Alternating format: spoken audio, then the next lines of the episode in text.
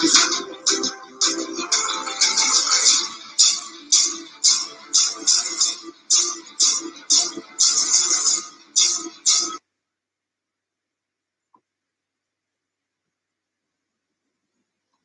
أحمد الكاتب تسمعني؟ نعم نعم. السلام عليكم. شوي الصوت عندي بالاستوديو ناصي. إيه صوت أنا معليه آخر شيء تمام هسه تمام. نعم. والله أستاذ إن شاء الله راح نطلع جو. يلا تفضل أهلا وسهلا فيك.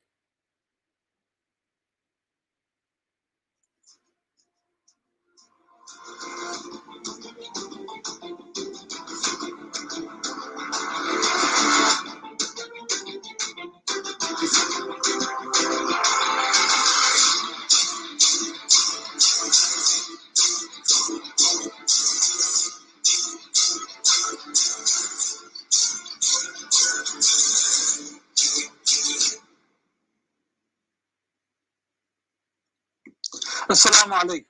هنالك ادعاء ظهر في الآونة الأخيرة. أيده كثير من اللادينيين والشيوعيين والعلمانيين.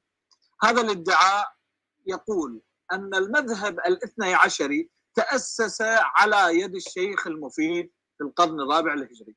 فما ما مدى صحة هذا الادعاء؟ وما مدى آه، آه، إمكانية حدوث هذا الأمر؟ هذا ما سنبحثه في هذه الحلقة بصحبة ضيفين عزيزين. سماحة الشيخ أحمد سلمان التونسي الذي حل ضيفا هنا علينا في قناة النجباء الفضائية. حياكم الله وحيا ضيفي. أبدأ أولا بسماحة الشيخ. حياك الله شيخ. حياكم الله وبياكم. طبعا أبرز من نظر لهذا الموضوع وكتب فيه هو جناب الأستاذ أحمد الكاتب من لندن. أرحب بك أستاذ أحمد. حياك الله. أهلا أهلا ومرحبا فيك. أنت حكمت علي بالشيوعية والكفر والإلحاد بسرعة أول شيء يعني لا لا لا. يا نعم. الله. إذا نبدأ هذه الحلقة على بركة الله بعد فاصل قصير ابقوا معي نعم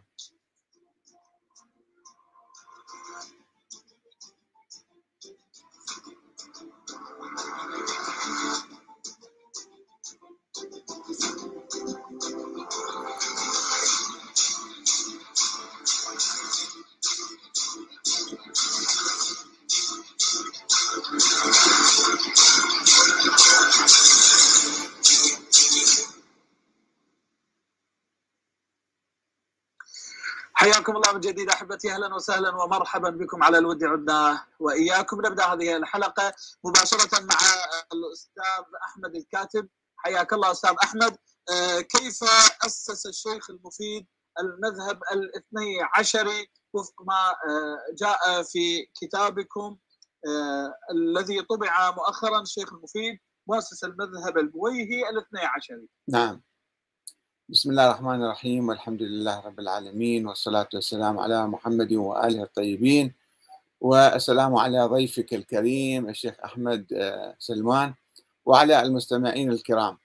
في الحقيقة المذاهب الشيعية تطورت وتشعبت كثيرا.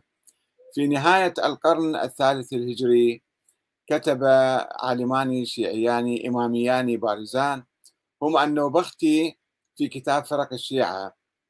وسعد بن عبد الله الأشعري القمي آه، في كتابه المقالات والفرق. آه، عددوا آه، والشيخ المفيد بعد ذلك بمئة عام جاء الشيخ المفيد في كتاب الإرشاد. ذكروا هذه الفرق المتشعبة حوالي سبعين فرقة. سبعين فرقة يعني الشيعة بصورة عامة ثم ال- الإمامية. الإمامية أيضا تشعبوا ولدوا في القرن الثاني الهجري وتشعبوا إلى آه، عدة فرق آه، وما بقي منهم الإسماعيلية وهم إما- إمامية آه، يتبعون إسماعيل ابن جعفر الصادق والموسوية. الخط الموسوي وصل إلى طريق المسدود في منتصف القرن الثالث الهجري وبوفاة الإمام الحسن العسكري دون خلف ظاهر. آه، وتفرق شيعته آه، إلى أربع عشرة فرقة ووقعوا في الحيرة وقالوا أنهم فتشوا وبحثوا وحققوا وسألوا ولم يعثروا على ولد له. إنما فرقة من هذه الأربعة عشر آه، قالت لا هو لديه ولد ولد في السر وعمره خمس سنوات ونحن على اتصال به. كانوا ناس يدعون الاتصال بهذا الولد ورؤيته وأنه هو الإمام آه، الموجود يعني.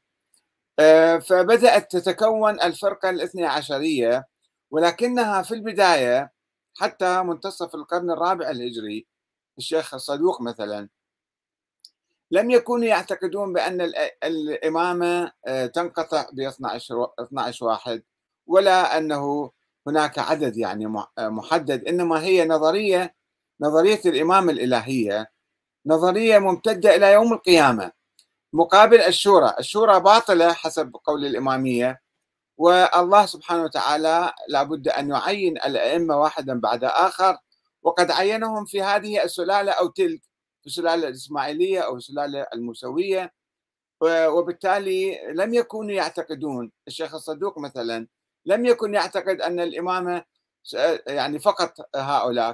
قال آه، أنه ربما الإمام الثاني عشر عندما يظهر سوف يخبرنا بماذا يحدث بعده. الحياة تستمر أو الحياة تنتهي. يعني الدنيا تقوم القيامة على الثاني عشر أو أنه لا نعرف ماذا يحدث وهذا علم عند الله. فلم تكن النظرية مستقرة الاثنى عشرية ولم يكن أحد من الشيعة في القرون الثلاثة الأولى يعرف أن الإمامة محدودة باثنى عشر عدد إنما هي مفتوحة إلى يوم القيامة حسب ما سألوا الإمام الصادق مثلا كما يقولون أنه من الإمام بعدك؟ قال مثلا فلان وهي في الأعقاب وأعقاب الأعقاب إلى يوم القيامة. هكذا كانت نظرية الإمامة الإلهية. فعندما تحولت إلى 12 وجاءوا بأحاديث من أهل السنة حديث أنه سيكون بعدي 12 أميرا أو 12 خليفة. فركبوه على هذه القائمة اللي هي أحد عشر. يعني إذا وصلنا إلى الحسن العسكري هم أحد عشر وليسوا اثنى عشر فلا تنطبق عليهم القائمة. ولا يمكن أن نقول هناك إمام هناك قائمة اثنى عشرية إلا بعد إثبات وجود محمد بن حسن العسكري وهذا ما لم يتم بالحقيقة. أستاذ بطوي المقدمات نعم. بتلخيص يعني جنابك تدعي أن المذهب أسس في زمان الشيخ المفيد المذهب الاثنى عشري الاثنى عشري نعم, نعم.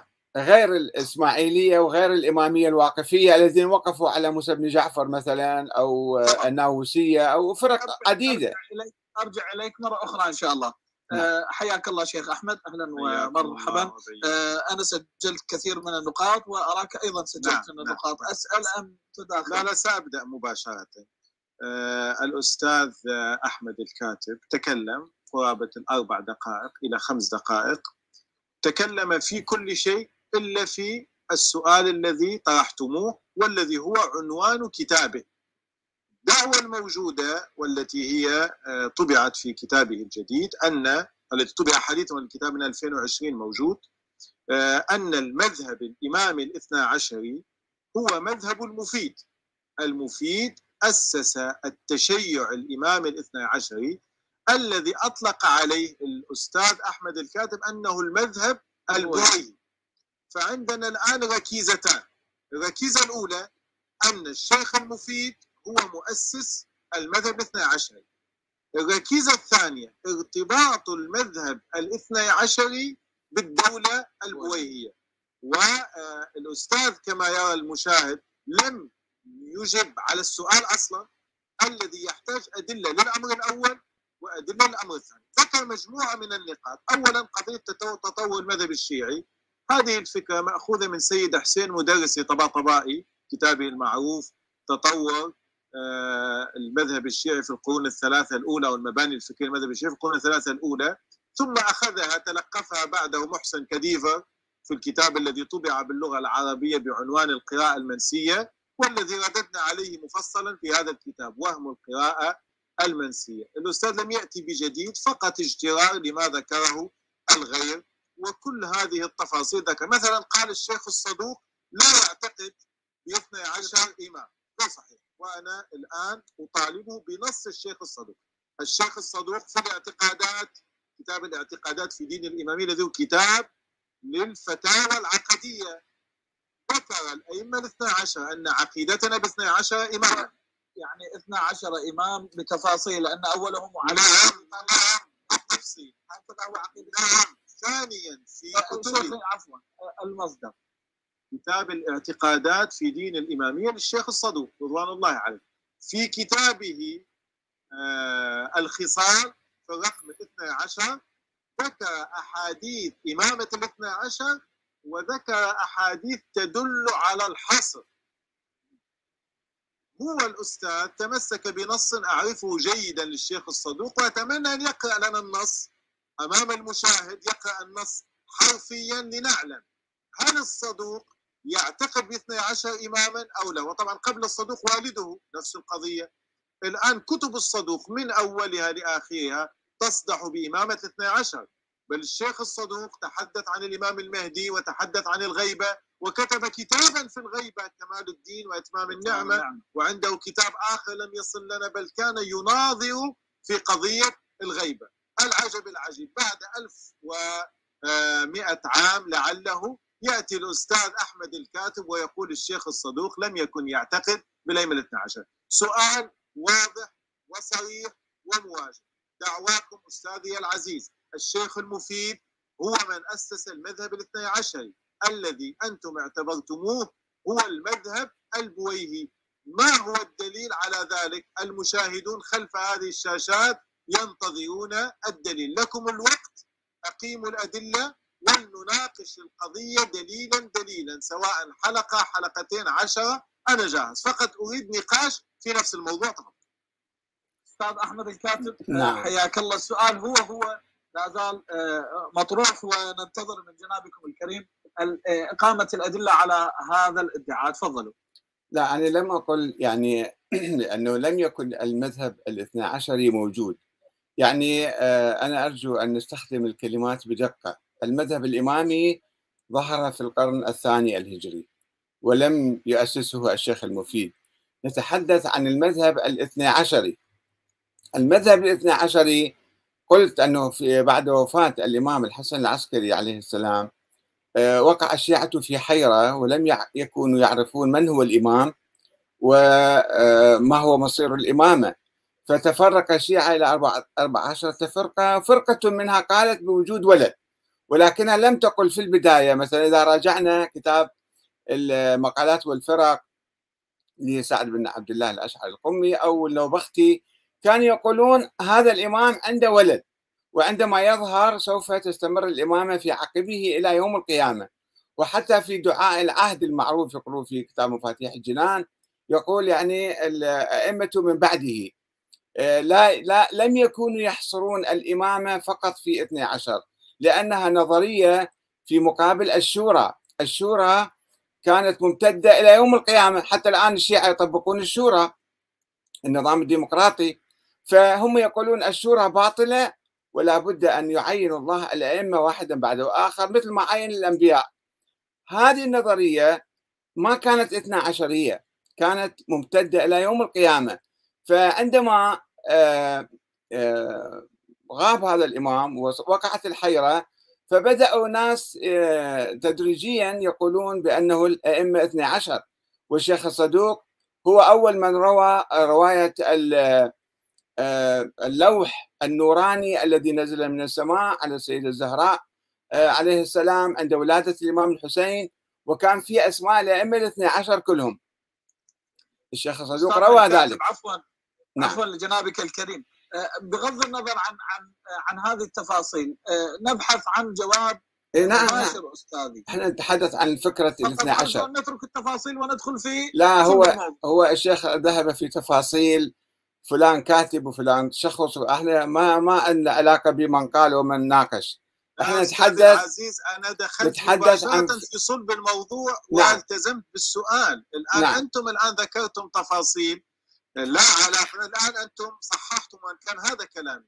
نعم. دعواكم الشيخ المفيد مؤسس المذهب الاثني عشر نعم. الإمامي الاثني عشر. نعم. إيه أنا أنا قلت في البداية كان 12 قلت أن نعم. هذا آه، أول شيء آمنوا بوجود الثاني عشر ولكنهم لم يكونوا يؤمنون بأن الأئمة فقط 12 كانوا يقولون هناك إمام كان هناك إمام ثاني عشر ولكن هذه النظرية كانت مرتبكة وغائبة وغامضة ومضطربة فالشيخ المفيد باعتباره استاذنا الكاتب استاذنا الكاتب عفوا على المقاطعة بعد إذنك واذن جناب الشيخ. نعم.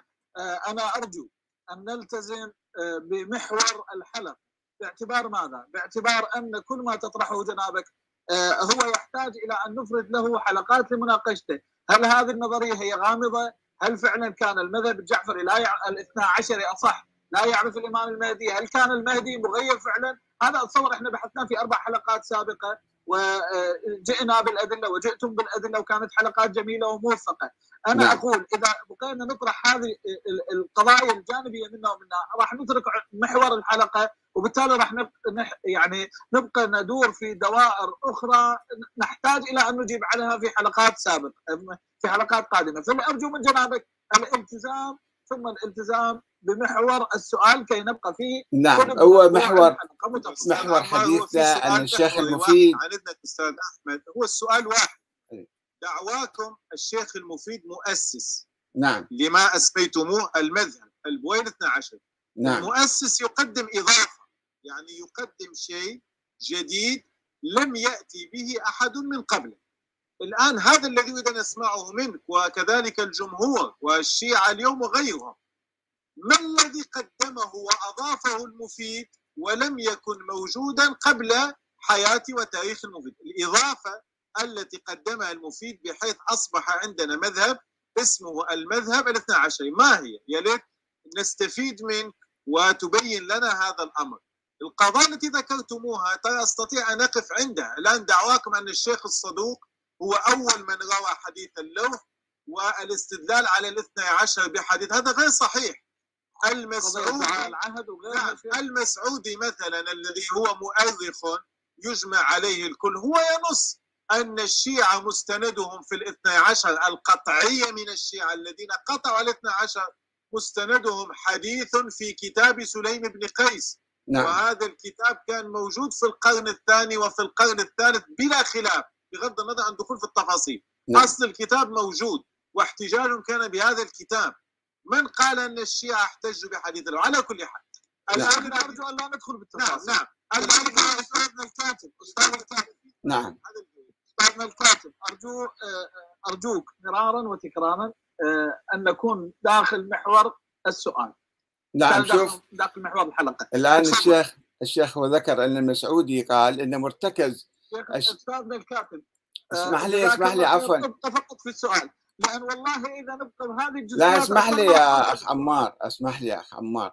هو الشيخ الآن قال أن المسعودي المؤرخ الشيعي المسعودي في القرن الرابع قال أن مستند الشيعة في الاثنى عشرية هو كتاب سليم بن قيس الهلالي الذي ظهر في القرن الرابع.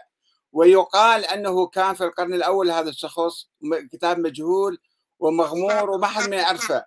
فلذلك أقول هذا ال- ال- الاثنى عشر استاذنا الكاتب أرجوك. نعم. موضوع الحلقة كتاب سليم بن قيس الهلالي أو شخصية سليم؟ لا أنه ظهر أنه ظهر. أنت ما يصير. انت أنت قاعد. تسألني أقول لك أنه في هذا الوقت في هذا الوقت كتاب سليم بن قيس الهلالي الذي ظهر في القرن الرابع هو الذي مستند الشيعة في الاثنى عشرية. قبل ذلك لم يكن أحد يعرف الاثنى عشرية. وظهر ال- يعني تبلور. أنا قلت أن الشيخ المفيد هو مؤسس أو مكرس قلت في مقدمة كتابي. هو بلور وعندما نراجع مثلا ال- العلماء الذين يتحدثون عن المذهب الاثنى عشري خلينا ناخذ كتاب مثلا الشيخ المفيد وهوية التشيع للإمام الخامنئي. يتحدث عن دور الشيخ المفيد الذي بلور هذه الفكرة ودافع عنها. بهذا الاعتبار أقول هو مؤسس ومكرس ومبلور فكرة كانت بعدها ناشئة وجديدة وغير ثابتة. وإذا تسمح لي أنا أجيب لك كلام الشيخ الصدوق الذي قال أنه إحنا بعدنا مو متأكدين مو نعرف كذا أنا أبحث عنه في كتابي. و... الكلام لا بأس أنا طلبتك من البداية بقراءتك لأنه لم يقل الشيخ الصدوق أنه نعم نعم أنا ناقل هذا الكتاب. الآن هذا الكاتب اقرأ لنا نص الصدوق. خلي أجده ما أبحث عنه في كتابي هذا الكتاب. أنا تبحث عن هذا الكتاب لا موجود شوف أنا باحثه في هذا الموضوع في هذا الكتاب وذاكر أنه الشيخ الصدوق بعد كان متردد ما كان قاطع بالاثني عشرية. إلى ان اجى الشيخ صحيح واقرأ النص. لا اقرأ النص اجى الشيخ المفيد فبلور ودافع وكتب حوالي 200 كتاب ولم يبقى منها إلا 40 كتاب. اللي يتحدث عن آه، الاثنى عشرية ووجود الإمام الثاني عشر وما شابه فالمسألة هي تطورت ورسخت ورست على عند الشيخ المفيد على الاثني عشر. أما قبل ذلك كانت آه، الفكرة بعدها مو واضحة وفي حيرة. الشيعة كانوا مئة سنة بعد وفاة العسكري في حيرة وواحد يعني يختلف مع الآخر و يسب البعض ويتفلون في وجوه البعض وصراع عنيف كان بين الشيعة حول مصير الإمامة. فلم تكن القضية واضحة وصريحة من أول يوم. شكرا جزيلا. أعود إليك مرة أخرى أستاذ أحمد الكاتب. آه، سماحة الشيخ الشيعة كانوا في حيرة والفكرة لم جميل. تكن متبلورة بالشكل جميل. الذي إذا هو ليس مؤسسا. الآن اتفاق جيد بيني وبين الأستاذ أحمد الكاتب. الشيخ المفيد لم يؤسس شيء لم يأتي بجديد وإنما كرس فكرة كانت موجودة جدا جيد ونتفق في هذا. الشيخ المفيد قام وقيمة علمية كبيرة استطاع أن يفرض الوجود الشيعي في ذلك العصر. الإثني عشر تحديدا. الشيعي الإمامي الإثني عشر. إذا الشيخ المفيد لم يختلق الإثني عشرية. ولم يختلق لا قضية العصمة ولا قضية النص عليهم كلها كانت موجودة قبل ذلك التاريخ. كلام الأستاذ أحمد الكاتب مثل من أستاذ عمار والمشاهدين؟ مثل الذي يقول الخليل بن أحمد الفراهيدي هو وسيبويه هو الذي أوجد النحو اللغة العربية وبناء على هذا القرآن لا قيمة له لأن النحو لم يكن الإعجاز البياني للقرآن لم يكن واضحا إلى أن جاء الخليل بن أحمد وسيبويه من بعده. هي نفس الكلام. وماذا فعل سيبويه والخليل بن أحمد؟ النحو موجود الكلام العربي موجود. قام وانطلق من النصوص العربية الكلام العربي الفصيح وقعد لهذا الكلام. العرب كانوا بالفطرة يقولون المبتدأ مثلا مرفوع الفاعل مرفوع المفعول منصوب. جاء هو وقعد نفس الشيء الشيخ المفيد. نتفق في هذه القضية. الشيخ المفيد قيمة علمية كبيرة. وظف الأدوات الكلامية الموجودة في ذلك الزمن لصناعة علم كلام شيعي قوي جدا. لكن هل يعني, يعني هل هو جاء به من عنديات نفسه؟ أم وجد نصوص من النصوص من النصوص الواردة عن الأئمة عليهم السلام. للتنظير الكلامي العقلي. مثل من؟ مثل ما ذكر ابن النديم في حق هشام بن الحكم. قال أول من فتق الكلام في الإمامة. فتق بماذا؟ الشيعة كان استدلالهم على الإمامة في ذلك الوقت استدلال نصي بالروايات بالآيات. هشام بن الحكم أول من اخترع الاستدلال العقلي, العقلي. أحسن. فلذلك تميز على أقرانه. الشيخ المفيد نفس الشيء. الوضع المعتزلي كان يقوم على الدليل العقلي وعلى التنظير العقلي والبراهين العقلية هو انطلق من النصوص الواردة عن الأئمة عليهم السلام للاستدلال بالأدوات الموجودة على عقائد موجودة مسبقا اذا نعم. هو لم يؤسس واتفقنا نعم. الآن مع الأستاذ لا الآن لا. القسم الثاني الكلام حول الاثنى عشرية علاقه المذهب الاثنى عشري بالدولة نعم. علاقة الشيخ المفيد بالدولة البويهيه الدعوة الثانية لا. لا خلي خلي أجيب لك هذا النص أنا كاتبه في هذا الكتاب. شوف يعني في عندنا نص آه هذا هذا النص آه آه جواب على السؤال الأول مالك. تعطينا رقم الآن رقم يعني رقم الصفحة ورقم الكتاب إياه. شوف يسأل عيسى ابن عبد الله ابن محمد ابن عمر ابن علي بن أبي طالب. قال قلت لأبي عبد الله إن كان يعني الامام صادق إن كان كون ولا أراني الله ذلك. فبمن أأثم؟ ما كان يعرف منه الإمام بعد الصادق. فقال بولده آه، آه، قلت فإن حدث بولده حدث وترك أخا كبيرا وابنا صغيرا فبمن أأتم قال بولده. ثم قال هكذا أبدا. قلت فإن لم أعرفه ولا أعرف موضعه. هذا في عهد الإمام الصادق بيسأله قال تقول عفوا اللهم إني أتولى من بقي من حججك من ولد الإمام الماضي فإن ذلك يجزي يجزيك إن شاء الله. فهذا في منتصف القرن الثاني الهجري لا يعرف الإمام بعد الصادق من هو. لم تكن هناك قائمة مسبقة معروفة معلقة بالبيوت مثل ما يقول سليم بن قيس الهلالي من أول يوم كان أكو قائمة معروفه حديثنا الآن حول قضية نعم. النص المسبق عن الأئمة؟ اسمح لي شيخنا وأين كلامك؟ أين دعواك أن الشيخ الصدوق كان شاكا متحيرا اسمح لي اسمح لي. الان الآن أقرأ عليك الآن. عن الصدوق. الآن أقرأ عليك. الشيخ المفيد آه، نظرية الاثنى عشرية لم تكن مستقرة في العقل الإمامي حتى منتصف القرن الرابع الهجري. حتى ان الشيخ محمد بن علي الصدوق. يا أستاذي لا تقرأ لي كلام أبدأ اسمع أنت اقرا لنا كلام الصدوق. انت انت تدير الجلسة ولا ولا اخ عمال يدير الجلسة؟ لا الآن كلام الصدوق اسمح لي اسمح لي بدي أقرأ لك إياه الآن. الله أنت لا تتدخل شيخنا أنت خذ وقتك. خذ وقتك واحكي وخليني أنا أتكلم. فالشيخ الصدوق ابدى شكه بتحديد الأئمة في الاثني عشر إماما فقط وقال لسنا مستعبدين في ذلك إلا بالإقرار باثني عشر إماما واعتقاد كوني ما يذكره الثاني عشر بعده. هذا في إكمال الدين صفحة 77 يقول إحنا حتى الآن نؤمن بوجود الإمام الثاني عشر. أما بعده شيء شنو يكون؟ ما ونقل الكفعمي في المصباح عن ال... كلام كلام الصدوق في إكمال الدين وتمام النعمة؟ نعم صفحة 77 فالكفعمي في المصباح يقول الدعاء التالي حول صاحب الزمان. اللهم صل على ولاة عهده والأئمة من بعده. وروى الصدوق عدة روايات حول احتمال امتداد الإمامة. بعد الثاني عشر. شكرا شكرا لا لا مو شكرا عفوا. خلينا أكمل الفقرة مال الشيخ الصدوق. أنت سألت عن الشيخ الصدوق؟ الشيخ الصدوق؟ لا لجناب. لا عن الشيخ الصدوق. أقرأ لك نص الشيخ الصدوق. وعدم الاقتصار عليه. وكان منها رواية عن الإمام أمير المؤمنين. رواها الشيخ الصدوق حول غموض الأمر بعد القائم. وإن رسول الله صلى الله عليه وآله وسلم قد عهد إليه أن لا يخبر أحدا بذلك إلا الحسن والحسين. وأنه قال الامام علي لا تسألوني عما يكون بعد هذا. فقد عهد إلي حبيبي أن لا أخبر به غير عترتي. وروى الطوسي أيضا أن رسول الله قال لعلي يا علي سيكون بعدي 12 إماما ومن بعدهم 12 مهديا.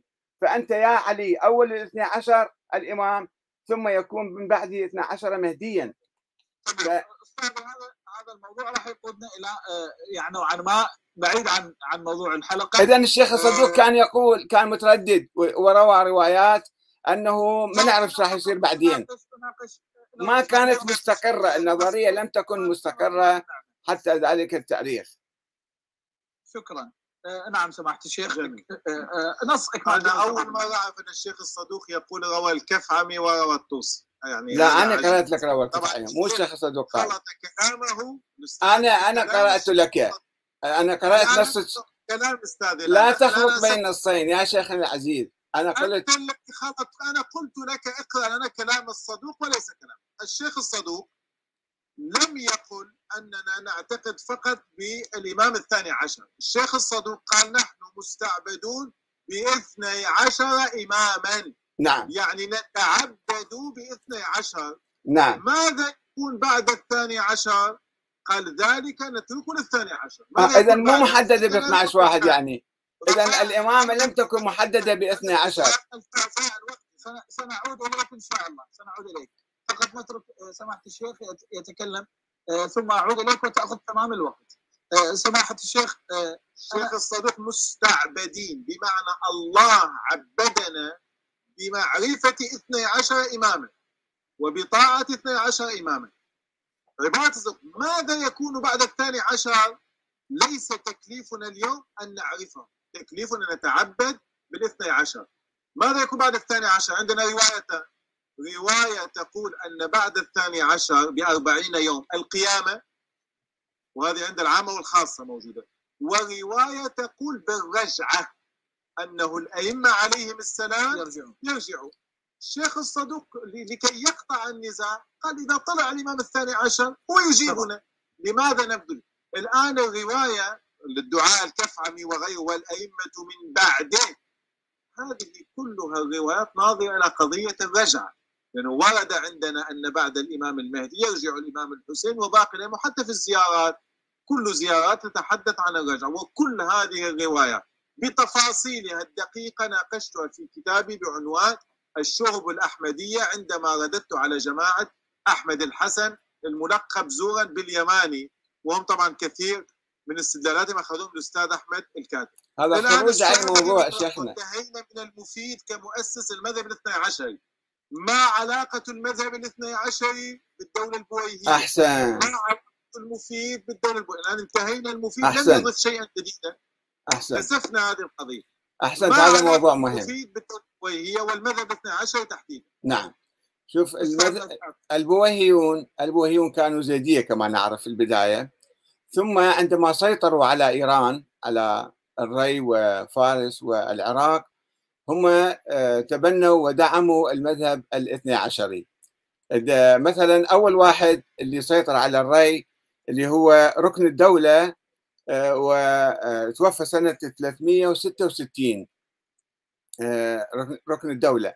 فهذا آه، كان في زمن الشيخ الصدوق وهو سمع بالشيخ الصدوق وطالبه أن يأتي إليه وعقد علاقات معه وحوارات في وصف للملك المذكور حال أبي جعفر محمد بن علي آه، الصدوق وما يقعده في المجالس وما عليه من الآثار وما يجيب عنه من المسائل والأخبار ورجوع الإمامية إليه وإلى أقواله في البلدان والأمصار فأحب لقاءه ومسألته فقدم إلى حاجبه البرمكي إحضاره فركب الحاجب إليه وأحضره إلى مجلس السلطان فلما دخل عليه قربه وأدناه وأكرمه ورفع مجلسه فلما استقر به المجلس قال له السلطان أيها الشيخ الفقيه العالم ثم جرى بينهما حوار حول الإمامة والغيبة والشيخ الصدوق هو يتحدث عن آه، ما جرى في ذلك المجلس يقول لقد كلمني بعض الملحدين يعني المعارضين هو يقصد يسميهم ملحدين مثل ما أنت يا أخ عمار تفضلت في البداية قلت الشيوعيون والعلمانيون يقولون ذلك أنا قلت ادعاء وايد إيه. فهذا الشيخ الصدوق سبق سبقك إلى ذلك. الشيخ الصدوق سبقك إلى ذلك بوصف المعارضين له بالملحدين. في مجلس الأمير السعيد ركن الدولة رضي الله عنه يقول. استاذنا العزيز السطر اسمح لي. نعم. أنت ادعيت وأيد الملحدون والشيوعيون والعلمانيون هذا الادعاء. نعم نعم. لا أمزح معاك أنا أمزح معاك. فالشيخ الصدوق يقول كلمني بعض الملحدين في مجلس الأمير السعيد ركن الدولة رضي الله عنه فقال وجب على إمامكم أن يخرج فقد كاد أهل الروم يغلبون على المسلمين. فقلت له حديث طويل إلى أن يقول إنه غائب بأمر الله تعالى ومتى أمره بالظهور والخروج ظهر وخرج. فقال الملحد لست أؤمن بإمام لا أراه ولا تلزمني حجته ما لم أره فقلت له يجب أن تقول إنه لا تلزمك حجه حجة الله تعالى ذكره لأنك لا تراه ولا تلزمك حجة الرسول لأنك لم تره. فقال للأمير السعيد ركن الدولة رضي الله عنه مرة ثانية يقول أيها الأمير راعي ما يقول هذا الشيخ فإنه يقول إن الإمام إنما غاب ولا يرى لأن الله عز وجل لا يرى. فقال له الأمير رحمه الله لقد وضعت كلامه في غير موضعه وتقولت عليه وهذا انقطاع منك وإقرار بالعجز. هذا في الصدوق محمد بن علي بن بابويه في كمال الدين آه، وصفحة 117 118 آه،. منشور شاء مؤسسة النشر الإسلامي. ارجع إليك مرة أخرى أستاذ الكاتب. ونجي على الشيخ المفيد بعدين. هذا أول شيء على الصدوق هذا أول شيء على الصدوق بعدين عندنا عضد الدولة يعني انتهينا من الشيخ المفيد. عضد لا لا الان أنا بالعكس ما ذكره الأستاذ جميل أحسنت أستاذ عضد واقعاً الدولة. هذه الرواية جدا جميلة. على طولها أشكرك عضد الدولة بعدين عضد الدولة فنا خسروا توفى سنة 372 كان إلى إلى كلام مع الشيخ المفيد ثم بهاء الدولة الذي أسس دار العلم للشيخ المفيد و- وأوقف الأوقاف لها. وجعله وجعله مديرا لهذه المدرسة في الكرخ في بغداد. فهذا دليل على أن البوهيين هم الذين. دعموا الشيخ المفيد. شكرا. جناب الأستاذ. آه، سمحت شيخ أشكره على قراءة هذا النص. لماذا؟ هو ذكر أن الشيخ الصدوق كان مرجع الشيعة وترجع الشيعة في الحلال وكان يعتقد بالإمام المهدي والغيبة ويدافع عنها. إذا النظرية كانت مكتملة ومتبلورة ومثل الصدوق ألف فيها الكتب وكان يناظر في هذه القضية. فإذا الإمامية الاثني عشرية كانت موجودة وحاضرة ومرجع الشيعة في قم كالشيخ الصدوق رضوان الله عليه كان مدافعا عن أحسنتم. أنا آه، أشيد بهذه النقل البويهون البويهيون كانوا زيدية وبقوا زيدية وماتوا زيدية. ولم يتحولوا إمامية ولم يدعموا خصوص الإمامية. الاثنى عشرية الاثنى عشرية بل كانوا داعمين لكل المذاهب وداعمين لحركة العلم والعلماء ويقدرون كل شيء علمي. الآن هل مجرد الدعم للشيخ المفيد أو للصدوق يعني أنهم إمامية ويعني أن المذهب الاثنى عشر هو مذهب إمامي. أستاذنا هل نسيت أن قاضي قضاتهم؟ القاضي عبد الجبار الهمداني هو معتزلي؟ قاضي القضاة. نعم. أعلى رتبة شرعية في تلك الدولة. هو قال دعموا المفيد. هل تنكر أنهم نفوا المفيد ثلاث مرات؟ إذا كان المفيد هو مرجعهم. فكيف ينفى المفيد؟ ثلاث مرات الدولة البويهية نعم. نفت الشيخ المفيد من بغداد. نعم. ثلاث مرات. نعم. تسمح لي أجاوبك؟ تفضل تفضل أستاذ يعني إحنا أعود وأكرر لابد أن نتقيد بدقة بالكلمات. الشيخ المفيد أنا قلت في البداية ال- ال- وجود الإمام الثاني عشر منذ منتصف القرن الثالث بعد وفاة الحسن العسكري فرقة من 14 فرقة قالت بوجود هذا الولد. أن هناك إمام ثاني عشر. ولكن الفكرة لأنه كان في حيره عند الشيعة ما كانت مترسخة وقوية وثابتة وأكيدة وإن- ومنتهية. ولكن عمليا عمليا الشيخ الصدوق طبعا الشيخ آه، ابوه أبو الشيخ الصدوق كتب أيضا في التبصرة من الحيره الإمامة والتبصرة من احسنت والشيخ الصدوق كتب إكمال الدين وكتب أخرى حول حول الإمامة وإثبات لها. ولكن أقول تكريس نظرية الاثني عشرية كما أنت تفضلت في البداية المسعودي المؤرخ الشيعي ذكر أنه معتمد معتمد الشيعة في الاثنى عشرية هو كتاب سليم بن قيس الهلالي الذي ظهر في القرن الرابع في أيام الشيخ المفيد. في أيام الشيخ المفيد. انتقلنا من عنده عنوان لا، أقول لك. كتابكم، آه، الشيخ المفيد مؤسس المذهب البويهي نعم. عشري. نعم. كون يكون مؤسس وقد جرى ما لأنه أبرز واحد. جرى لأنه أبرز واحد كان في الكلام والتنظير، الفكرة كانت موجودة قبل ولكن خفيفة ومو مو راسخة، حتى أن الشيخ الصدوق كان متردد، الشيخ الصدوق توفى سنة 381 كان بعده متردد مو أكيد عند الشيعة يصير بعدين. بعد الإمام الثاني عشر، فقط عندنا ائمه 12 واحد. الشيخ أول كلامه. يعني كان يؤمن بوجود ثاني عشر وما يدري شنو راح يصير ما يدري شو يصير بعدين، الشيخ أحمد الشيخ أحمد السلمان الشيخ أحمد السلمان أول كلام الكلام ال- الكفعمي. أنه هذول يقصدون ال- الرجعة، هو ما يقول الرجعة، دي يقول والائمه من بعده. يعني كان في نظرية استمرار الإمامة إلى يوم القيامة مثل الإسماعيلية. الإسماعيلية اليوم عندهم إمام 49 ما ما منقطع الإمامة عندهم، هم إمامية شيعة إمامية. نعم. الشيخ المفيد مؤسس المذهب البويهي الاثني عشري عنوان كتاب. نعم نعم. هو مؤسس المذهب لأنه كان أبرز واحد. أبرز. واحد وبلور وا... أكبر واحد بلور الموضوع.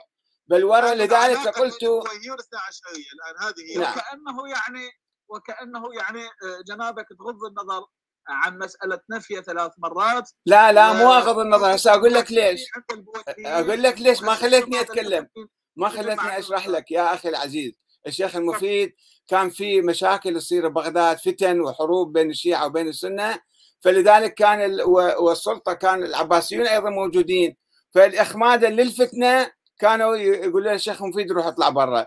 مو أن... ولكنهم لا ينفي أنه مثلا عضد الدولة أبو شجاع فنا خسروا اللي هو صار أمير في بغداد يعني كان أمير بويهي. توفى سنة 372 التقى بالشيخ المفيد واحتفى به. وعندما وصل إليه خبر المناظرة التي جرت بين المفيد عندما كان تلميذا في بداية دراسته بعد شاب صغير كان وبين المتكلم الشيخ علي بن عيسى الروماني المعتزلي حول الغدير. وأفحم الشيخ ذاك المعتزلي فأحضره عضد الدولة وأكرمه غاية الإكرام وأمر له بجوائز عظام وأجرى له سنته يعني راتب وربما زاره في داره ويعوده إذا مرض. هذا في الأمين يذكر ذلك محمد هادي الاميني هذا خاص بالمفيد أو كان يفعله اسمح لي سواء كان معتزليا شيخنا كان شيخنا العزيز وكان يقضي حوائجه ويقول له اشفع تشفع وكان يقوم لتلامذته بكل ما يحتاجون إليه حيث كانت له وجاهة عند ملوك الأطراف لميل كثير من ذلك الزمان إلى التشيع. وقال ابن تغرى بردي استاذنا الكاتب ك- وبنوا له مدرسه يا أخي العزيز بنى له مدرسه و- أو أو سوى لها أوقاف. استاذنا الكاتب هل كان البويهيين يصنعون هذا مع الشيخ المفيد خاصة ام مع جميع العلماء في ذاك الزمان؟ معتزلة، البويهيون كانوا منفتحين وكان هناك واقع موجود لا يستطيعون مرة واحدة. يقلبوه راسا على عقب. كانوا زيديه مع الجميع ويدعمون جميع نعم ولكن بال- بالخصوص بالخصوص للشيخ المفيد للشيخ المفيد. بنوا له مدرسة للشيخ المفيد وأوقاف ورواتب حطوا لهم حتى يدعموا هذا الرأي هذا الم- المذهب. فلذلك أقول هذا المذهب هو الشيخ المفيد بدعم من البوهيين نشره في ذلك الزمان. نترك لك إن شاء الله الوقت. ال- ال- أستاذنا الكاتب نعم. الكلمة لطيفه هل آه، أكرر السؤال. فقط كان للشيخ المفيد لو كان للجميع. لا قلت لك هم كان كان واقع موجود. العباسيون كانوا موجودين. لم يستطيعوا ال- القضاء على الخلافة العباسية. لم يستطيعوا أن يفعلوا كل شيء. ولكن هم كانوا منفتحين. وكانوا في البداية زيدية. ثم بهاء الدولة بهاء الدولة قام بدعم نشاطات الدعوة الشيعية الإمامية بإنشاء دار للعلم في محلة الكرخ في عام 383 وإنفاق الأموال وتخصيص الأوقاف عليها وتنصيب الشيخ المفيد مديرا ومعلما فيها. فهذه ال- ال- المؤشرات هذا كما يذكر الكامل في التاريخ لابن الأثير و آه، يعني معروف كان يعني مصادر أخرى ذكر ذلك. أن الشيخ المفيد كان يح- يحظى يحظى بعناية خاصة. فضيلة الشيخ أحمد سلمان حياكم الله سماحة الشيخ. آه، شيخنا آه، آه، يعني هناك مسألة آه، أن نفي الشيخ المفيد جاء بسبب آه، أو لإخماد الفتنة الطائفية في بغداد. أنا يعجبني الأستاذ أحمد الكاتب أنه حقيقة لما يسأل يجيب بصدق. أجاب على نفسه. دعم الشيخ المفيد كان في ظل انفتاح البويهيين على كل المذاهب الإسلامية وعلى كل التيارات الدينية وتشجيعهم للعلم والعلماء. لذلك أنا كلمتي دقيقة. هل هذا السلوك كان خاصا بالمفيد أو كان له ولغيره كان هو لغيره. كما دعم الشيعة دعم دعم السنة. المعتزلة ودعم السنة. نعم. نحن لا ننفي وجود تعاطف للبويهيين مع الشيعة الإمامية الاثنى عشرية في بغداد لأنهم كانوا تكتل حقيقي وهم الأقرب للبويهيين من غيرهم. السنة مثلا كانت ميولهم عباسية وكانوا يعتقدون أن الخليفة العباسي خليفة شرعي. فلذلك البويهيين لم يزيلوا الخليفة من هذا الباب. أنه كيف يمكن نسيطر على بغداد في ظل شرعية هذه الخ- هذا الخليفة؟ البويهيون كانوا أهل السياسة ولم يكن لهم أي منطلق ديني خلقوا بيئة منفتحة دعموا فيها الكل. فلذلك ما ذكره الأستاذ أحمد الكاتب يعني الشواهد التي ذكرها شيء والواقع شيء آخر. عجيب ترى الكلام. المذهب الاثني عشر البويهي.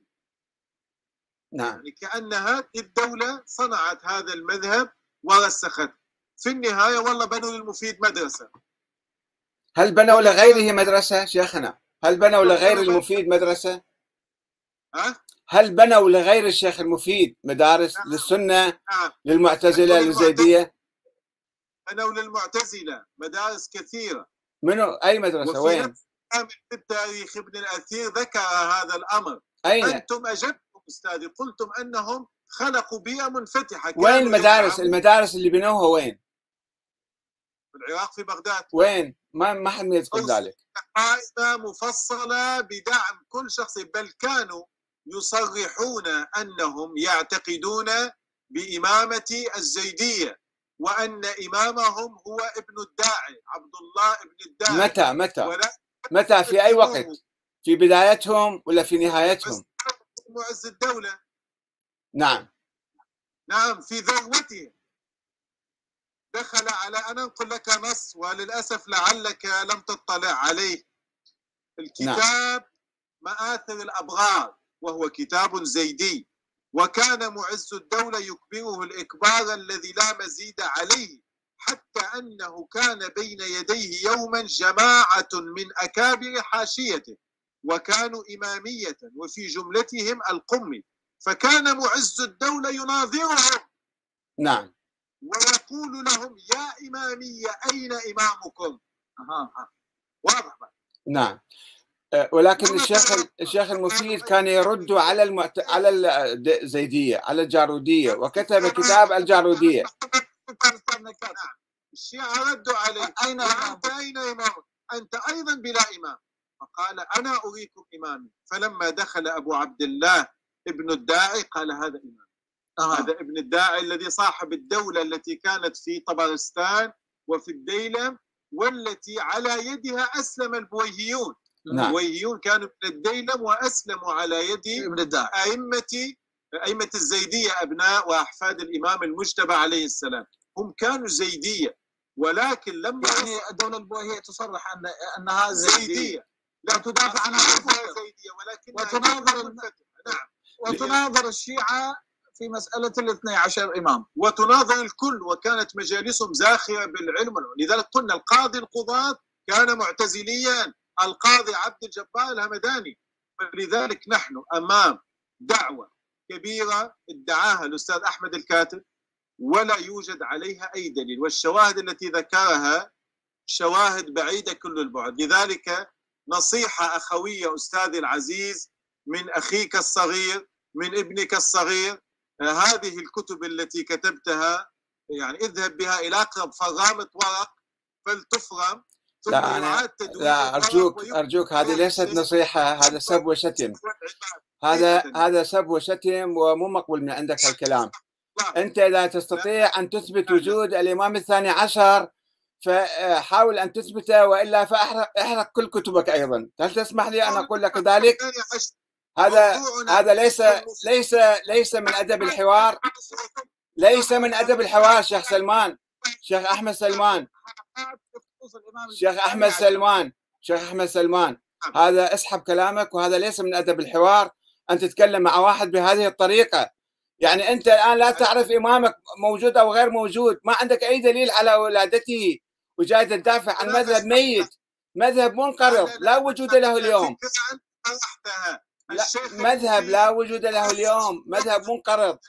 وقد تخلى عنه عفوا شيخ عمار أستاذ عمار. أرجو أن تسيطر على الحوار. هذا مو طريقة حوار بهالصوره هذه. هذا هذا نوع من الاعتداء. ويجب أن تعتذر من عنده يا شيخ أحمد. لكن لكن المناوشات من هنا وهناك لا يا شيخ يعني أخ عمار أستاذ عمار. يعني ما يصير هالشكل بهالطريقة واحد يتحاور يتكلم. يعني إحنا الآن في معرض بيان أن الشيخ المفيد هو الذي نشر المذهب وبلوره بعد أن كان ضعيفا ومرتبكا وغامضا.